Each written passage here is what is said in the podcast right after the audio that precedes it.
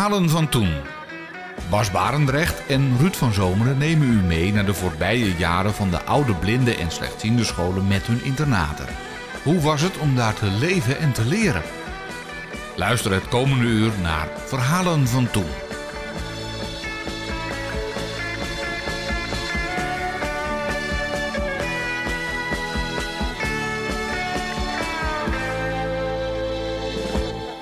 Vanaf haar geboorte is Yvonne Oerlemans slechtziend.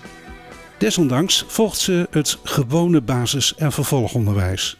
Maar toen ze 13 was, waren haar ogen zodanig achteruit gegaan dat ze het reguliere onderwijs niet meer kon volgen.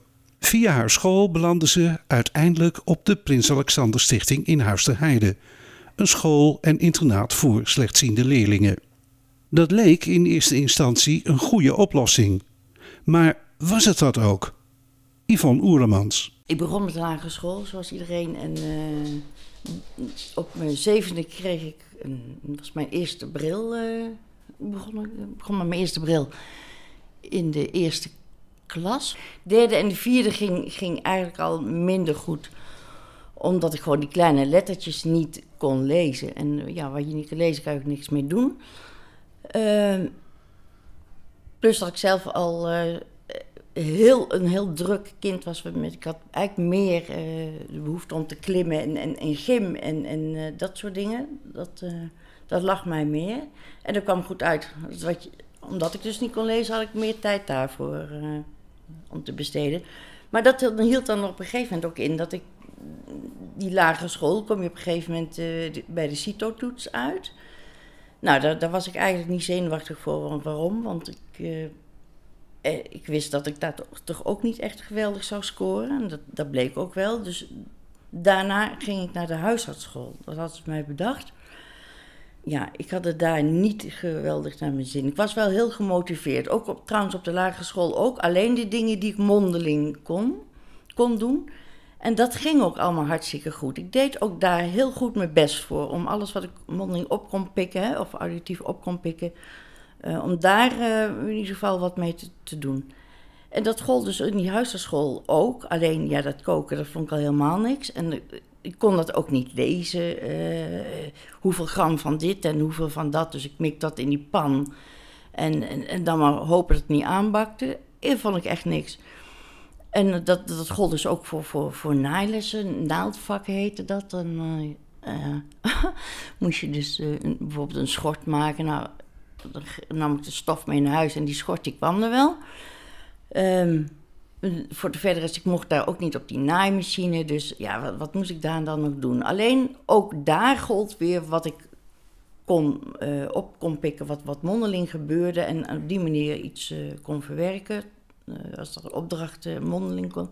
Nou, dat ging goed dat ik slecht zag, dat, dat, dat was eigenlijk wel, ja, dat moesten ze wel doorhebben. En zeker als, als ik nu denk er wel eens over na, dan denk ik van, hoe zou in deze tijd, zou dat heel anders zijn. Maar ik had geen, ik had geen hulpmiddel, geen loop en geen, niets. Uh, en niemand kwam ook op het idee om, om uh, te zoeken naar hulpmiddelen. Nee, ik had een bril en daar, daar deed ik het mee. En, uh, en natuurlijk, die bril, die glazen werden iedere paar maanden sterker. Maar ja, ik, ik was ook niet zo'n kind die zei van uh, ik kan het niet. Dus er moet een oplossing komen. Nee, kon ik het niet, nou ja, dan, dan, uh, dan niet. Dan, er waren nog genoeg andere. Uh, hadden we op een vrijdagmiddag hadden we stil lezen. Nou, dat kan me nog zo herinneren. Dat, daar deed je bijna de hele middag over. En die hele tekst, ik kon daar geen letter van lezen. Dus had je multiple choice. Dan kon je uh, moest je gewoon invullen. Hè? 1, 2, 3 of 4 een hokje kleuren. En dan deed ik, ik pik een potje, de meeste heeft een snortje. En die kreeg een kluisje, kruisje. Dus dan was ik binnen 10 minuten klaar. En dan kon ik naar buiten kijken, want ik moest wel weten waar die karren van, van de markt staan. Want daar moest ik straks weer. Uh, ik ging klimmen en ik ging. Dus dat was voor mij belangrijker. En na dat de hele gebeuren van dat stillezen, dan kon je nog naar de biep. Mocht je voor het weekend een boek uit gaan zoeken. Maar ja, die boek kon ik ook niet lezen. Dus ik was lang blij dat die bel ging en weg was ik. Een oplossing is er eigenlijk nooit gekomen. Ik weet, er is één keer een juffrouw geweest in de derde klas, die, en dat was ook mijn lievelingsjuf, die wel opgemerkt had dat als ik iets schreef, dan, ik, ik, ben, ik ben links, dus als ik iets schreef, dan, dan ging ik er meteen, hup, met mijn hand doorheen. Dus niemand kon wat lezen wat ik geschreven had, ik zelf ook niet. En als het al, uh, als het al niet uh, helemaal doorgelopen was, dan schreef ik ook buiten de lijntjes. Dan, uh, ja, weet je, het was voor mezelf niet te lezen en voor de anderen ook niet. Dus had die juffrouw bedacht, als we er nou eens een, een typemachine geven. Goed, dat heb ik gehad. het was het laatste gedeelte van, nee, ik denk het laatste drie kwart jaar of zo, van, van, van die klas. En uh, nou, ik kon daar mijn typvaardigheid aardig opdoen. Maar ik vond het ook wel een beetje gênant om zo in een stil klas zo te tikken, weet je wel. Dus ik was al lang blij dat het schooljaar over was. En het volgend jaar nou, is die misschien gewoon thuis gebleven. En ik had toen al mijn trucendoos dat ik dacht van... Uh, zodra ik de klas inkom, ga ik zorgen dat die uh, gekleurde krijtjes weg zijn. Dat er alleen maar witte krijtjes overbleven. Nou, dan kon ik enigszins nog uh, iets lezen van het bord. Ik heb het mezelf wel leuk gemaakt daar op, op die school. Als je, uh, wat, wat, wat ik vertelde van de dingen die ik kon, daar deed ik, stopte ik al mijn energie in. En verder had ik me denk ik daar ook voor afgesloten. Dat wat ik niet kon, dat kon ik gewoon niet. Maar ja, dan keek ik maar vooruit van, uh, het is, ik, ik, ga uh, straks klimmen en, en, en, en rolschaatsen en fietsen en zo. Dus ik kwam mijn tijd wel door. Maar ook op school, want ik, ik had vriendinnetjes daar. Ik, ik speelde met de kinderen van de zesde klas. Want ik deed dingen die zij niet durfden. Ik weet niet of ik het gevaar niet zag of dat ik gewoon die dingen eh, compenseerde, zeg maar. Van dit kan ik niet, maar dit kan ik wel. Het was natuurlijk ook net als, als, als kinderen, zeg maar. Uh, een, bijzondere tijd als je wat hebt daar. En uh, ik viel natuurlijk ook, ook in de klas op dat ik dingetjes niet kon. En uh, nu, zou je zeggen van, ja, god, dit kan, dit kan dit en dit kan dat. Maar kinderen zijn gewoon heel hard. Dus ik heb wat dat betreft ook best wel een periode gehad... Uh, dat ik ook uitgescholden werd met, met, hè, met dikke, dikke glazen ik denk dat ik dat toch aardig heb kunnen compenseren met, met dingen waar ik dus uh, goed in was. Ik sprak er ook niet over. Ik, ik kwam nooit met iets wat ik niet kon. En dus kijk, als je zelf ook niet iets aangeeft en, um, en, en je ouders hebben het niet door. Je, als je, je hebt vijf kinderen en een. een het was gewoon een druk leven bij ons thuis. Uh, ik, ik deed niet moeilijk en zij deden niet moeilijk.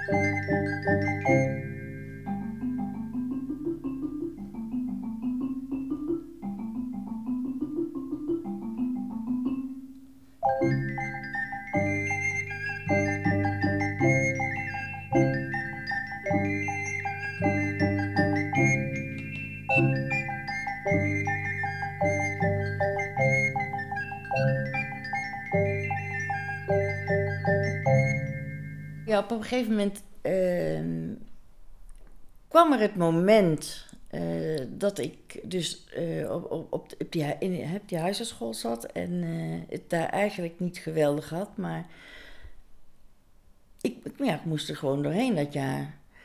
En toen was er één lerares. eh, en daar kon ik ook wel. eh, zij gaf dus les waar ik ook wat mee kon. Zij gaf tekenles, dat ging dan wel. En zij gaf eh, muziek. Dus dat ging ook goed.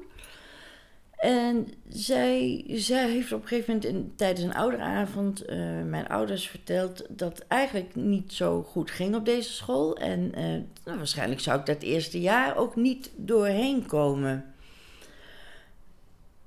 Zij stelde me voor, eh, net zo goed als dat ze dat steeds op de lagere school zeiden, was dat dus nu weer het geval van, eh ja, Yvonne is wel heel erg gemotiveerd en, en de dingen die ze wel kan en, en de dingen die mondeling auditief gaat, die gaan allemaal heel goed. Daar zet ze zich zo goed voor in en, en daar haalt ze goede cijfers.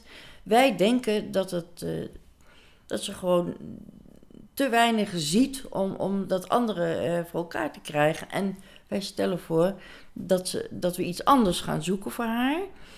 En ehm, nou, dat, zij, dat zij in staat is om de HAVO te kunnen doen. Maar dan wel ehm, met begeleiding. Want ze zou dus wel door kunnen gaan. Als ze door zou gaan naar de tweede klas, wordt zij hier ook niet gelukkig van. Nou goed, dat werd dus thuis besproken, ook met mij. En ik had zoiets van, ja, nou maar ja, als die letters dan groter zijn, dan kan het wel, dacht ik. Maar anders kan ik, kan ik dat ook niet. Maar daar werd dus juist voor gezorgd. En ineens, wie zaten daar? Juffrouw Noor en juffrouw Ria. Nou, dat waren twee maatschappelijk werksters van, van eh, de Prins Alexander Stichting.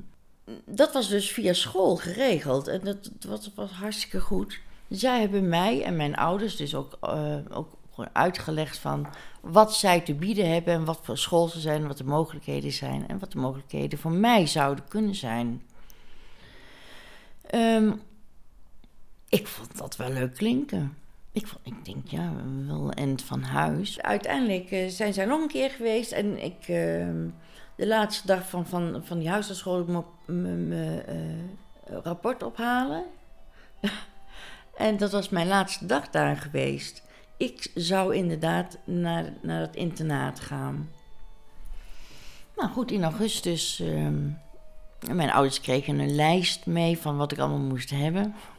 Ook leuk. En, nou, een koffer gekocht met allemaal eh, troep erin. Gingen we dus naar Zeist. Een warme dag. We zitten daar en. eh, het, het was wel spannend hoor. Ik was toen veer, nee, 13 was ik nog.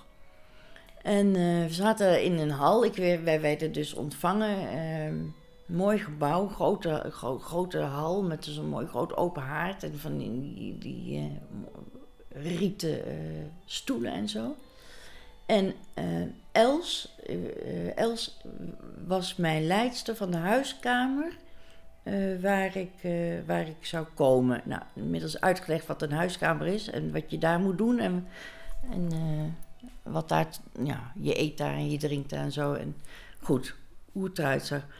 Leuke vrouw, heel aardig en eh, gezellig. Zij ging koffie halen en eh, op het moment dat zij terugkwam, dat zal ik dus ook nooit vergeten, op het moment dat zij terugkwam met die koffie, glijdt mijn vader dan van die roodtandstoel af op de grond. Dus nou, dit was wel hilarisch zo. En ik had zoiets zo van, eh, ga nou maar, ga, ga nou maar, weet je wel. Nou goed, wij koffie gedronken en eh, nou, ouders weg en eh, nou, ik mee naar de huiskamer. Het was tegen drieën, toen kwamen al die kinderen, die kwamen dan ook in die huiskamer, hè, melk drinken. En eh, nou, daarna ging ik dan met Els en twee andere meisjes van een andere huiskamer, gingen we naar Zeist. Goed, ik ging naar boven toe en eh, nou, me voorgesteld en zo. En eh, er waren een paar andere mensen, kinderen die bleven achter. Dus ik zeg, nou, houdoe. Nou, dat was helemaal fout. er werd daar doei gezegd, dus dat, moest, dat was mijn eerste leerproces. Hè? Het Nederlands vandaan leren. Maar ik, eh, ja, ik, ik vond het al gauw leuk daar. Ik, ik sliep daar op een kamer met, met een ander meisje uit mijn huiskamer. Er waren ook eh, slaapzalen, maar dat waren voor de kleintjes. Kijk, ik was natuurlijk 13 en eh, die, die tijd heb ik dus daar niet meegemaakt. Maar ik ging eh, naar de zolder toe daar had je, een, had je aan twee kanten had je slaapzalen en dan en, en kamertjes. Maar in dat kamertje daar, daar waren drie, drie eh, meiden die dan aan die, aan die tafel huiswerk maakten. En ehm, ik zou dan de vierde zijn. Maar er was geen plaats aan die tafel. Nou ja, als er geen plaats is, dan kan ik ook geen huiswerk maken. Nou ja, goed, zo, zo ging je eigenlijk als een rode draad, liep alles gewoon daardoor. Want ook daar uh, kon ik ook die kleine lettertjes niet lezen. Dus eerst had ik zoiets van, wat, wat, moet ik hier? En, zij hadden allemaal een loop en ik had geen loop. Hoe kom ik aan een loop? Nu zou ik zeggen van, nou, kom op, uh, eerst moet ik een loop hebben, dan gaat er wat gebeuren.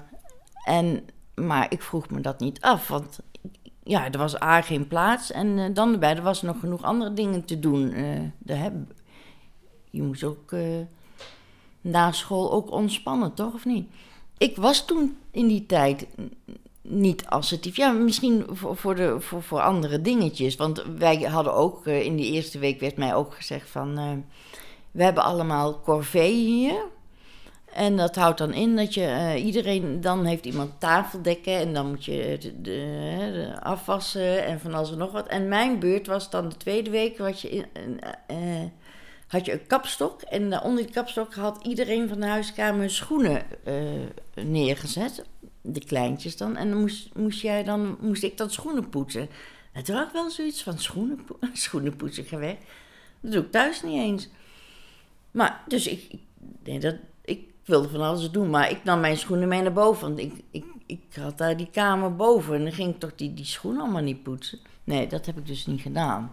Maar toen ineens werd de schoenenpoetsen afgeschaft. Dat hoefde niet meer.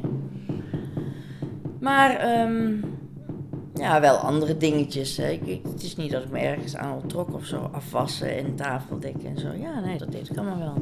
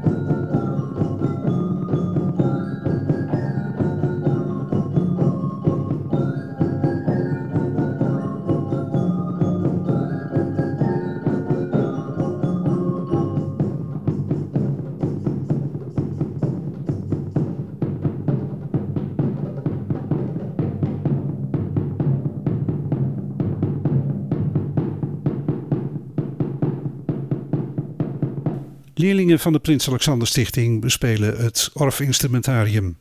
Terug naar het verhaal van Yvonne Oeremans. De Prins Alexander Stichting was ook een, een, een school, zeg maar, ehm, die weinig... Uh, je had het ook eigenlijk niet zozeer over wat je wel en niet kon. En wat je... Uh, ja, als je iets niet kon, dan kreeg je of extra verlichting en, en een loop. Maar voor de verdere rest uh, was het ook niet, was het ook niet, niet, niet nodig. Uh, er waren andere scholen, zoals Bartimeus en, en, en uh, in huis en uh, andere internaten. Daar zaten de echte. Daar zaten echte heel slechtziende en blinden, maar, maar wij waren beter. Het was er niet zozeer, want ik, ik kon er al helemaal niet over meepraten, want ik was pas 13 toen ik daar kwam. Maar eh, dat werd ook eh, eigenlijk wel een beetje gezegd. Bartimeus, dat eh, het internaat lag eh, eh, nou, niet zo ver van, van de Prins Alexander Stichting. Maar wij hadden een busje, zij hadden een busje, en, maar zij hadden een busje en er stond op Bartimeus. En als wij dat busje eens een keer gingen ergens naartoe en ze kwamen wij dat tegen, nou, hadden we iets van Bartimeus. Ons busje had niets erop. Dus dat vonden we wel fijn. Niet, niemand hoefde te weten dat wij van een gesticht kwamen. Hè? Wij hoefden niet Bartimeus op het busje te hebben. Maar ja, ik, dat werd eigenlijk gewoon, dat werd je gewoon medegedeeld. Daar, daar, daar leek wel of dat een keuze was van een internaat waar je voor gekozen hebt. Maar dat, ja, het was natuurlijk niet zo. Maar ik, ik zag ook uh, beter dan de kinderen uh, in, in, uh, van, van andere internaten. Dat werd mij ook gezegd. Het was op een gegeven moment zo dat ik. Ehm, ik had zoiets zo van. Die vriendin met me op, op, kamer, op de kamer, die hadden dan een loop. En ik zei van, weet je, ik, mag ik eens kijken? En toen kon ik, toen kon ik toch wel zien wat daar stond. En toen dacht ik, verrek, ik moet zo'n ding hebben. Ik moet zo'n ding hebben. En zij had nog een heel erg kleintje in de etui zitten. En die was uh, voor de helft beschadigd. Dus, maar door dat hele klein stukje kon ik ook nog wel wat doorzien. En die mocht ik lenen. Dus ik was hartstikke blij. Ik denk, kijk, ik kan, ik kan hier wel mee lezen. Dus ik ging ook wel lezen. Ik, ik, ik ging ook, maar het kostte me wel heel erg veel energie. En toen uiteindelijk, toen, op, in de klas ook, uh, moest ik met dat kleine ding werken. Maar ik was wel blij dat ik wat kon zien. En ik, toen hadden, heb ik op een gegeven moment wel geze gezegd tegen, tegen, ik weet niet meer, tegen iemand van, van een van de leraren van, ik, ik wil ook zo'n ander hebben, want dan kan ik ook goed lezen. En ineens kwamen er drie loops. Drie van die, ik zie het nog zo voor me, drie blauwe doosjes in van die witte plastic dingetjes. Geweldig mooi, met de witte rand erom, echt heel erg mooi. Maar die moesten op school blijven. Zodra je naar huis ging, naar, naar de huiskamer ging, dan moest het in een doosje en dan ging dat weer in het kastje. Ja, ja, kan ik nog mijn huiswerk niet maken. Ja, met dat hele kleine ding. Maar ja, dat, had ik ook gauw gehad.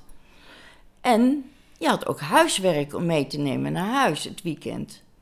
Nou was dat nooit zoveel. En in een gegeven moment toen, uh, toen dacht ik, weet je, ik ga dat loepje stelen.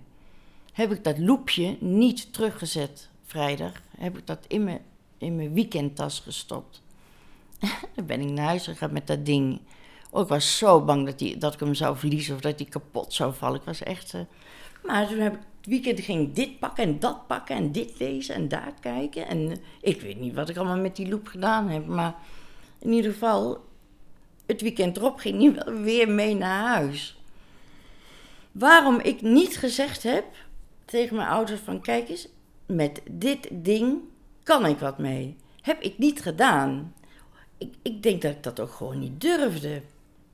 Dan, dan, dan, je, dan laat je ook zien van, hm, kan je dat niet lezen? Nee. Maar ik kon het ook niet. Ja, nu denk je van, het had allemaal heel anders gekund, het had allemaal heel anders gemoeten. Maar zo is het gewoon gegaan. Um, niemand van school heeft ooit tegen mij gezegd, hé hey Yvonne, let eens even op, waar is jouw loepje gebleven? Ik mis een doosje. Nou, of ze dat niet geweten hebben of dat ze hadden gezegd laat maar gaan, dat weet ik niet. Maar uh, op een gegeven moment, een groot gedeelte van, van, mijn, van mijn uh, carrière was daar al uh, afgelegd, zeg maar. Zonder dat ik eigenlijk het idee had, ik, ik kan hier goed mee uit de voeten. Als ik dadelijk van het internaat, ik, ik zou ook niet weten wat ik moest doen verder. Nou, uiteindelijk ehm, heb ik uh, het VMBO gedaan. Dan kon je zeggen, ja, dat leek dan een beetje op, op, op, uh, op de MAVO. En dan, en, uh, dan kon je certificaten halen. En ik heb inderdaad ook die certificaten wel gehaald.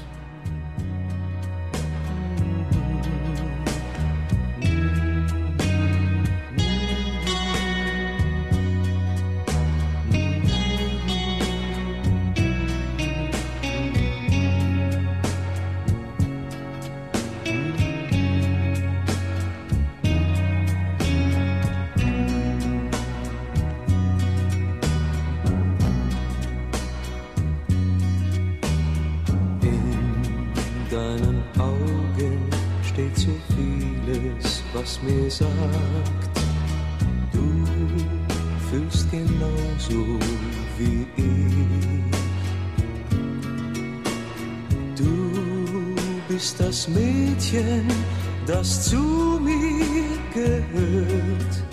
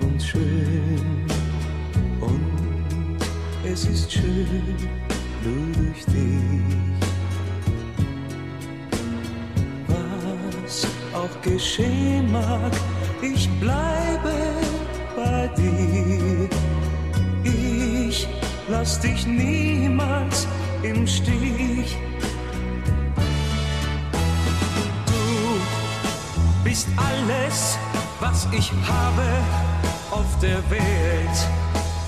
Du bist alles, was ich will.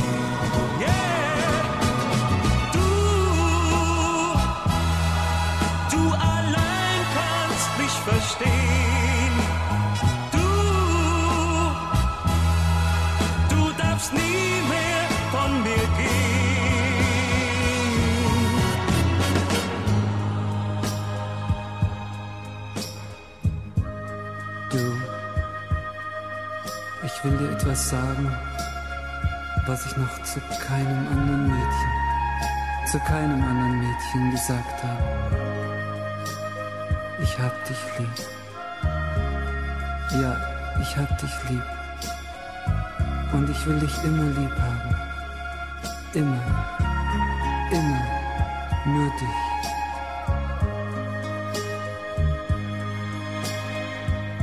wo ich auch bin, was ich auch tu. Ich hab ein Ziel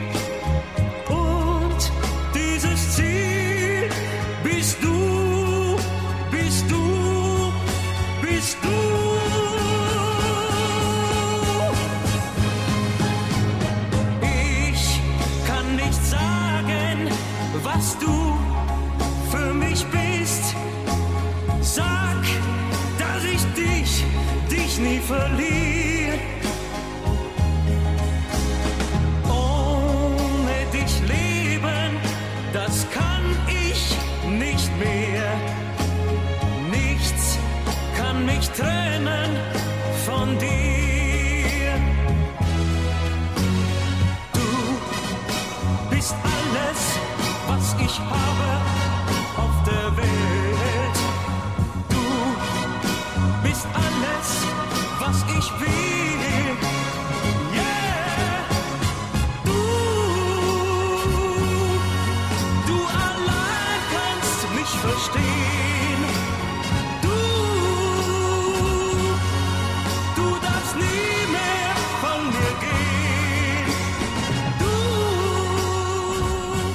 Speciaal verzoek van onze hoofdpersoon van vandaag, Yvonne Oerlemans, Peter Maffay met Doe. Je luistert naar Verhalen van Toen, Radio 509. Ik heb daar een geweldige leuke tijd gehad.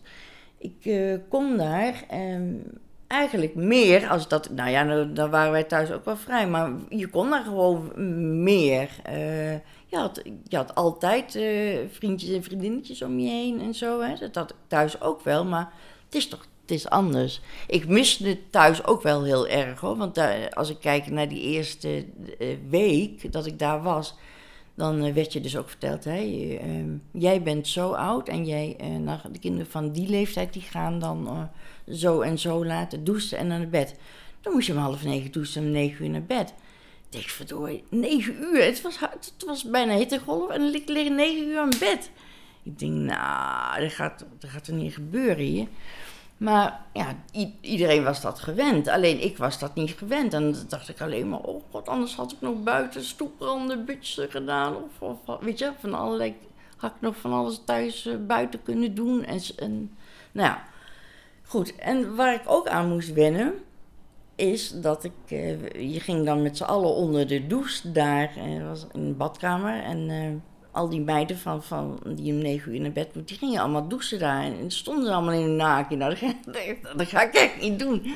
Dat ga ik echt niet doen. Ik hou mijn onderbroek wel aan. Maar ja, dat viel natuurlijk veel meer op. Maar dat, daar moest je dan ook maar aan wennen. Totdat Els tegen me zegt, ja, ik, ik, had gehoord eh, dat jij... eh, dat jij je onderbroekje aanhield met douchen. En dat hebben de andere meisjes, die zeiden van, eh, dat hoef je niet te doen. Nou goed, ik denk, ja, dat hoef je niet te zeggen. Maar een week erop dacht ik, nou goed, dat- dan ga ik ook maar zo douchen, weet je wel. Dat waren dingen, daar moest ik echt wel aan wennen. Ehm, als je kijkt, hè, dat ik, ik, ik ben natuurlijk tot mijn dertiende thuis geweest. En wij hadden thuis ook een groot gezin, dus ook altijd druk en met vriendjes en vriendinnetjes. Dus ik vond de overgang naar een internaat, het, het, het veel mensen, veel eh, om je heen, was voor mij niet zo'n grote overgang.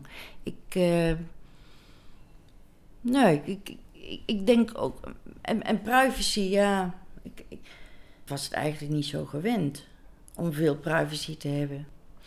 Je zal denken van, eh, eh, op school word je in de gaten gehouden en, en het verlengde van school, het internaat, word je in de gaten gehouden. Maar ik, ik vond eigenlijk maar heel weinig in de gaten, in de gaten gehouden werd. Want het feit dat, je, dat, dat ik er zo makkelijk onderuit kon om, om geen huiswerk te maken, ja, dat, wow, ik, nee, dat ging best wel goed.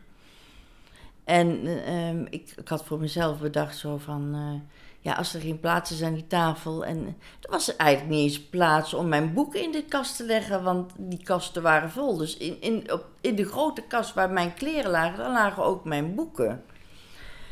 Eh, dus het feit dat er weinig controle was, ja, daar kon ik wel mee dealen.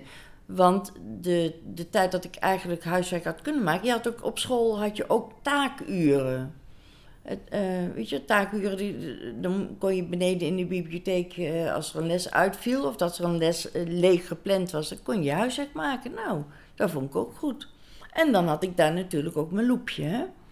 Dus dat wat ik daar kon, dat kon, dat kon ik beter daar doen. En, en na school, nou ja, als er geen controle is, dan deed ik liever andere dingen. En zeker op donderdagmiddag, dan gingen we met een, een, een stel eh, gingen we dan naar het eh dat is een, eh, zo'n supermarkt in de, in de buurt, een paar meter verderop. En dan eh, gingen we lekker eh, een zak chips halen en, eh, en eh, een fles cola. En dan, gingen we dan lekker bovenop op, op zo'n stapelbed ergens zitten. En dan was het feest, was het gewoon gezellig. En die dingetjes, ja, dat maakte eigenlijk voor mij dat ik een leuke tijd had. En ik zat in een huiskamer met Els en Liesbeth. En dat was, voor mij waren dat de leukste eh leidsters die er waren op het internaat. En die heb ik ook eh, bijna mijn hele periode dat ik daar geweest ben, heb ik, heb ik die twee leidsters gehad. Op een gegeven moment, ja, een jaar of vijftien, toen hadden we ook eh, disco. eh, discoavonden. Er zat een, één jongen uit Den Bosch, eh, kwam, ook, eh, kwam ook naar Zuid. Dus wij waren eigenlijk de enige uit het zuiden. Nou, dat was Cor. Cor was mijn vriendje. En eh, die zag er nogal stoer uit en zo. En dan hadden we s'avonds, uh, één keer in de maand, hadden we dan in één huiskamer discoavond, weet je. En dan gewoon ge- gezellig van die, van die eh, schuifelmuziek en... eh, leuk. Ja, leuk was dat gewoon. En chips en. Nou ja, goed, van dat soort dingen. En dat was eigenlijk alleen maar voor de grote jongens en meisjes. Dus dat was best wel spannend. En eh, Cor was nogal eh, geliefd ook bij de andere meisjes. Maar hij was voor mij. Nou, heel spannend allemaal. Dus nou ja, als zulke dingetjes eh, zo af en toe eens tussendoor gebeurde, dat, dat maakte voor mij allemaal dat ik zondagavond zoiets had van, laat mij maar gaan. Ik vond het leuk daar. Nee, thuis was het toch weer anders. Ze hadden, hadden gewoon vriendinnen en weet je, daar deed je ook dan wel leuke dingen mee. Maar, eh, en daar moest ik ook wel even aan wennen hoor, dat ik, eh, die vriendin had ik alleen nog maar dan voor het weekend. Ik, het was op een gegeven moment, ging ik dan vrijdags naar huis en dan, eh, dan, ja, dan ging ik na het eten, dan ging ik altijd een vriendin opzoeken. Die, en die wachtte dan op mij, want ja, dan eh, had ik natuurlijk wel weer spannende verhalen van het internaat. Niemand kende de eh, internaatsverhalen. En ja, hoe het daar op school ging, dat, dat wist ik wel. Maar zij vond het altijd leuk als ik vertelde van... Oh, wat heb je, dit, wat heb je allemaal gedaan? En ehm, nou... En, dan gingen we zaterdags wel naar de stad of zo. Weet je, ik, raakte, ik raakte ze ook niet kwijt, die vriendinnen. Ehm, ja, nou ja, wat, wat op het internaat dan ook leuk was, is... ehm, wij hadden bijvoorbeeld... Ik, ik sliep dan op de zolder. Je had dan, eh, moet je voorstellen, je had boven de- de zolder had je een, een, een, eh, een, zaal. En dan had je twee kamertjes. En dan had je een badkamer. En dan, dan had je aan de links en aan de rechtervleugel had je precies hetzelfde. Alleen daartussen die twee, kamer, tussen die twee eh, badkamers had je een soort archief. Daar stond een verkleedkast en zo, maar die deuren kon je dus afsluiten van elkaar. Nou, op een gegeven moment, toen eh, waren wij met een paar meiden boven en hadden we dus eh, afgesproken dat we naar de benedenafdeling gingen en aan de andere kant, daar sliepen mm, onze vriendjes. aan de andere kant. Maar ehm, hoe moest je daar komen? Je, kon niet, je moest via het archief of je moest via... eh, aan iedere kant was dus een trap naar beneden. Zowel aan de linker als aan de rechterkant. Maar ging je via die trap, dan eh, moest je eerst drie treetjes eh, over. En die kraakte nogal. Dus nou was voor mij geen punt, want ik was klimmen en alles gewend. Dus ik kon dat allemaal wel. Maar dan had je. Ik, het enige wat ik niet, niet kon, is ver weg kijken. Dus als ze bij de nachtwacht, dus, hè, de mensen die dan nachtdienst hadden eh, van de leiding, nou, iemand buiten de deur stond, ja, dan kon ik klimmen wat ik wil, maar dan hadden ze mij nog in de gaten. Maar ik liep dan voorop. En ehm, ja, ik denk dat ik die tijd ook mm, van ons clubje toen wel wat meer durfde. Ehm, en dat gold ook van beneden. Als we dan beneden eh, brood gingen halen, dan, waren er nog wel een paar die, die dat durfden. Dus dan gingen we soms wel met z'n tweeën in een hele grote broodkeuken, een hele grote kast. En dat was wel spannend. Dan gingen we daar eh, eh, brood met pindakaas pikken. Ja, inderdaad. S'nachts gingen we, dat dan, gingen we daar naartoe. En, maar die, die, dan moest je die hal door en dat kraakte ook nogal. Dus het moest daar heel zachtjes zijn. Maar er was één dag in de, in de week, één avond, en die was de directeur er. En daar moesten we dan, weet je, dat was een beetje link, daar moesten we wel goed voor opletten. Maar eh, ik ben één keer, ehm, toen ben ik gesnapt en de ander niet. Toen zag ik licht onder, onder, het, eh, onder de deur doorkomen van de directeur. En ik liep daar net, dacht ik, zachtjes voorbij en pats ging die deur open. Nou ja, dat was, dat was gebeurd. Toen stond ik daar en dan moet je nagaan. Ik had, ik had eh, ja, wat had ik aan? Een, heel kort eh pyjamaatje. En koud man, moest ik daar, eh, nou, toch een, ik denk een anderhalf uur in het kantoor staan. Ik frekte aan kou en ik had nog geen brood. En uiteindelijk mocht ik dan naar bed en de volgende dag moest ik dus vertellen wat ik gedaan had in de huiskamer. Nou, als je Els en Liesbeth kent, die, die, die hebben daar helemaal geen drama van gemaakt. Die hebben wel gezegd dat ik dat niet meer moest doen. En dat wij dat niet meer moesten doen. Dus ik heb dat ook eh, niet meer gedaan, geloof ik. Er zullen er wel, andere dingetjes gedaan hè, hebben. En eh, we, zijn, ik ben, we zijn wel eens een keertje met een paar gesnapt toen we naar de, eh, naar de benedenverdieping gingen s'nachts. Dat eh, er was één leider en die eh, ah, dat was een beetje. mm, ja, wij vonden het een beetje een stiekemert. Die had dus in tussentijd dat hij ons door had, had hij die eh, archiefdeuren op slot gedaan. Terwijl wij van links naar rechts probeerden te komen.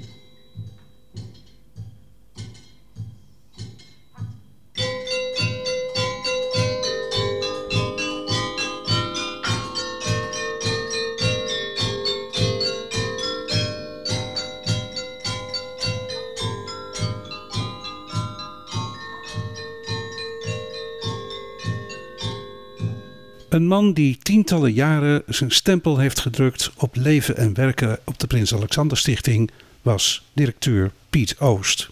Een man met uitgesproken, om niet te zeggen extreme ideeën over opleiding en opvoeding van slechtziende kinderen. En niet altijd bepaald een bemiddelijk mens. Waar ik niet onderuit kwam en, niemand onderuit kwam, is... We hadden een directeur daar, daar hebben toen eh, mijn ouders ook kennis mee gemaakt. eh. en ehm, eh, hij heette Oom Piet. Ik, ik kon daar niet aan wennen. Oom A had ik geen oom Piet. Ik had alleen maar oom Jan en oom Kees.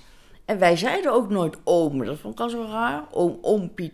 Maar hij heette ook meneer Oost. Dus ik denk, nou, wat zou ik nou zeggen? Oom Oost? Of, toen zei ik oom Oost een keer. En ik, ik, ik, raak in. Ik noem hem niet oom Piet. Dat kan ik niet. Dus ik noemde hem, als we hem tegenkwamen in de hal, kwam je dan meestal tegen. Dan zei hij je gedag.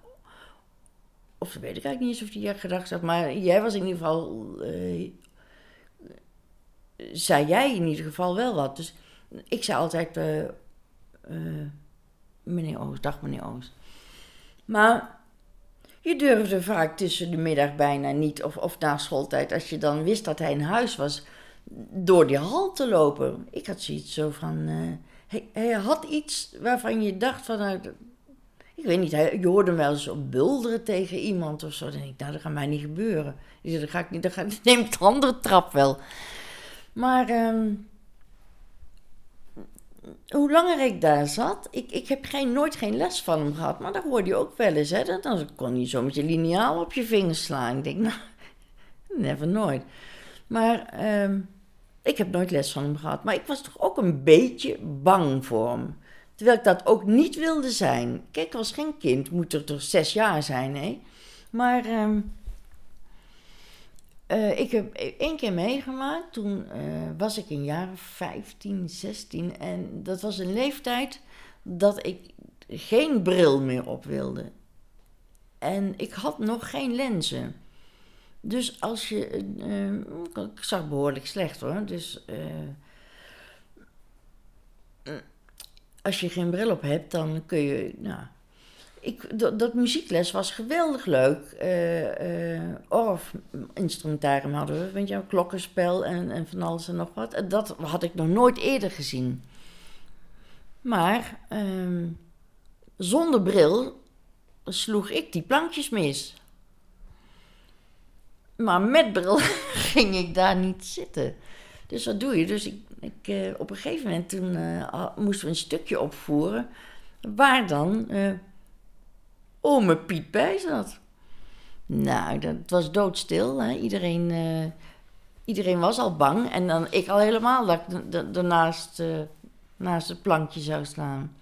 En, maar hij had ook een houten been. En dat was voor mij altijd wel handig. Dan hoorde, wist ik al meteen van, als ik het hoorde, dan eh, kon ik een vluchtroute nemen.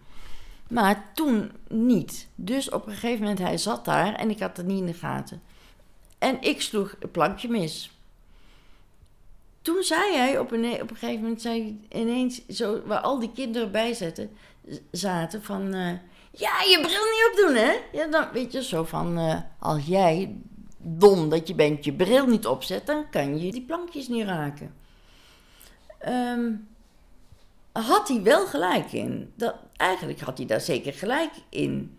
Maar de manier kwam bij mij wel heel hard aan. En toen heb ik eigenlijk eh, een stomme zet van mij, ja, achteraf niet, denk ja, het was gewoon zo zoals het ging, zei ik van ja, ehm, ik heb inderdaad mijn bril niet op, maar ehm, u hebt wel een broek aan.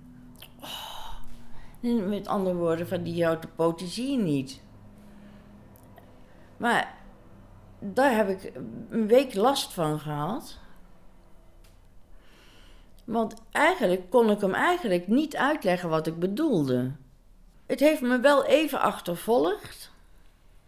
En ehm, toen heb ik het wel thuis met vriendinnen over gehad, heb ik dat, heb ik dat ook gezegd. En ehm, zij zeiden ook van, weet je, toen ik toen dan weer naar huis ging en, en, en mijn vriendinnen, die kennen natuurlijk die man niet. Maar die zeiden ook van, ja, maar god, hij moet toch ook weten dat het voor jou hartstikke lullig is met die bril en zo. En, eh, maar ja, goed, eh, hij eh, moet je er niet zo moeilijk over doen. Nou, toen was ik het ook kwijt. Ze hebben mij eigenlijk een beetje gerustgesteld.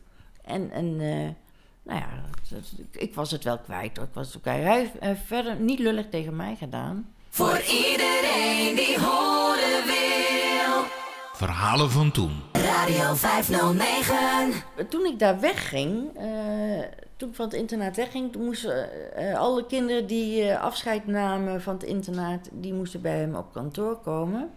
Toen zei hij van, eh, neem nu afscheid, hè. we krijgen allemaal een hand en een afscheid. En ik zal nooit vergeten dat hij zei van, ehm, jullie gaan nu de, de- van het internaat weg, jullie gaan nu je eigen leven opbouwen, je gaat hier weg.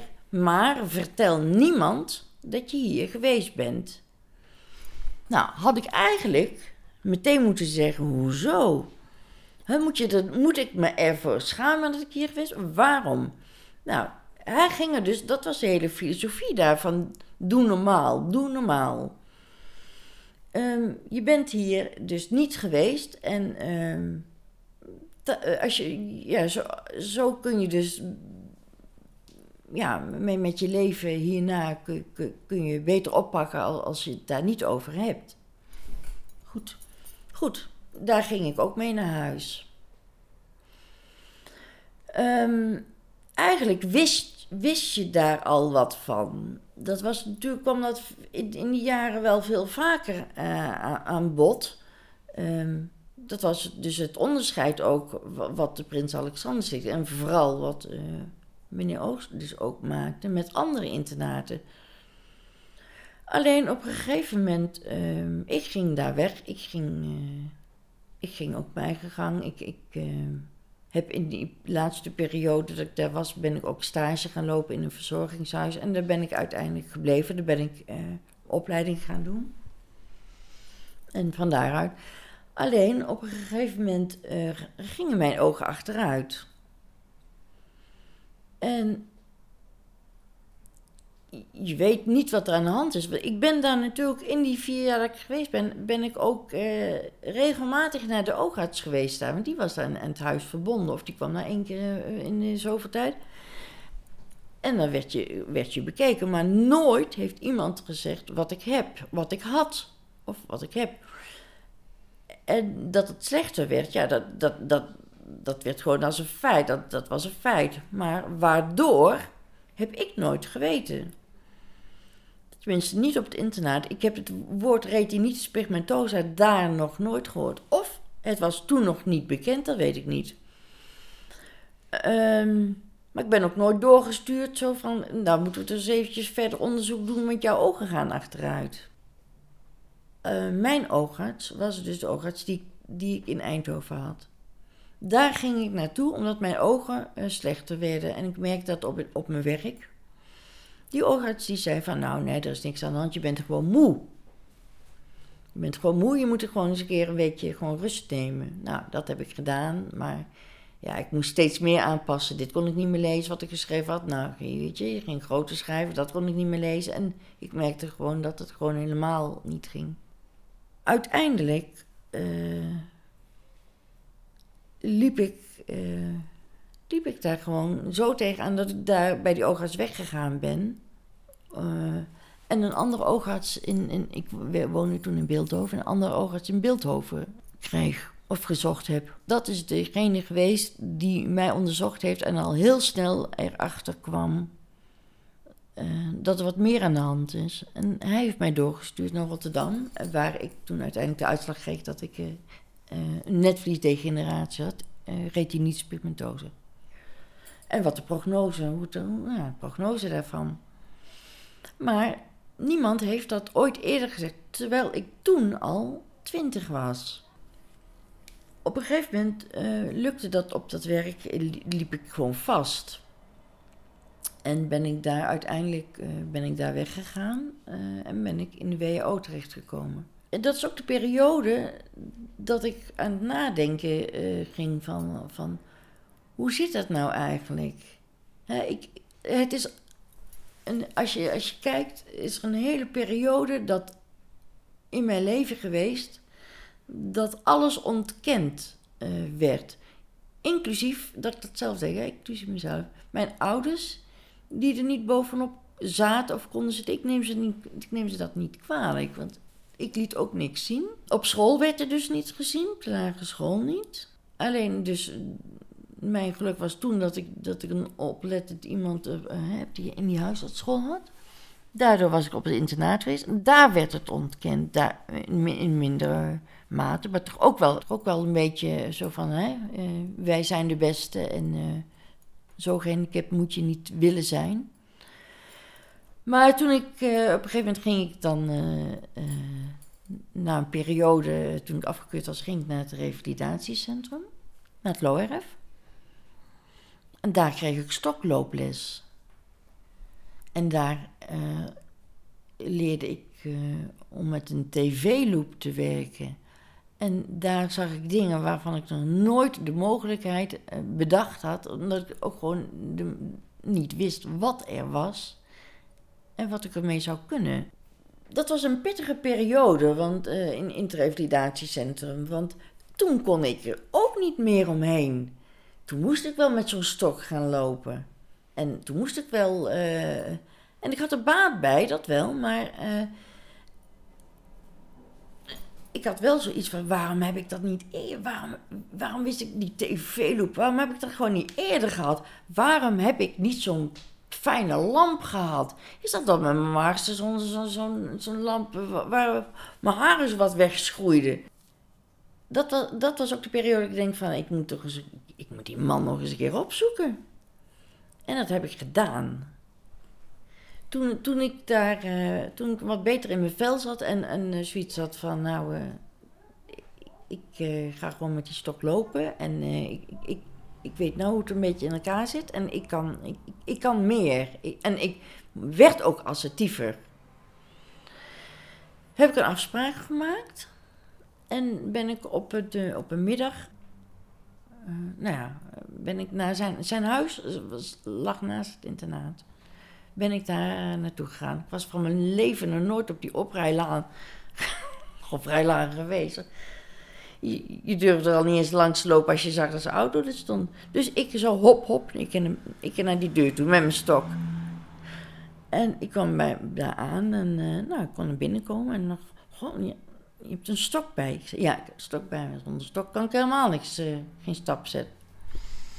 Maar ik ging zitten en zei, nou wel heel goed dat je dat doet met je stok. Ik denk, goed dat je dat doet. Ik zei, ja, dat is waar. Ik ben er ook heel erg blij mee. En zo zouden er nog wel andere dingen geweest zijn waar ik eerder uh, blij mee was geweest. Maar ik heb dat hier nooit ontdekt. En toen vertelde ik ook van die loop. En uh, nou, hij heeft wel goed geluisterd en ik heb ook gewoon alles verteld. Ik zeg, ik loop nu met mijn, kop tegen de muur. Letterlijk en figuurlijk.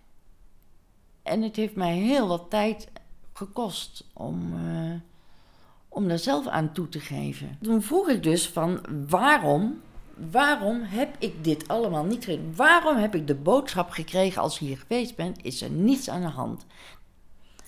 En toen kon hij het uitleggen. Hij, eh, hij zei van, ehm 9 van de 10 kinderen die hier weggaan, die eh, gaan straks auto rijden en die hebben een goede baan en die gaan auto rijden. Ik zeg, 9 van de 10. Ik zeg, ben ik juist die ene bij wie het achteruit gegaan is en die dat dus niet kan.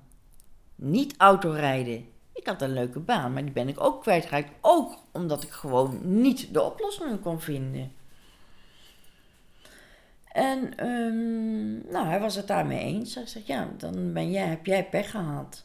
Ik zei, ja, Rummens, daar kun je toch geen beleid op afstemmen? Maar ja, zo was het wel. Ik heb verder niet gehoord van, ja, eigenlijk had het anders moeten. Eigenlijk had ik daar anders ook... Nee, nee, nee, nee, dit was het. En, en, en hij had natuurlijk ook gelijk. eh, eh, als je het zo bekijkt, heb je ook gelijk.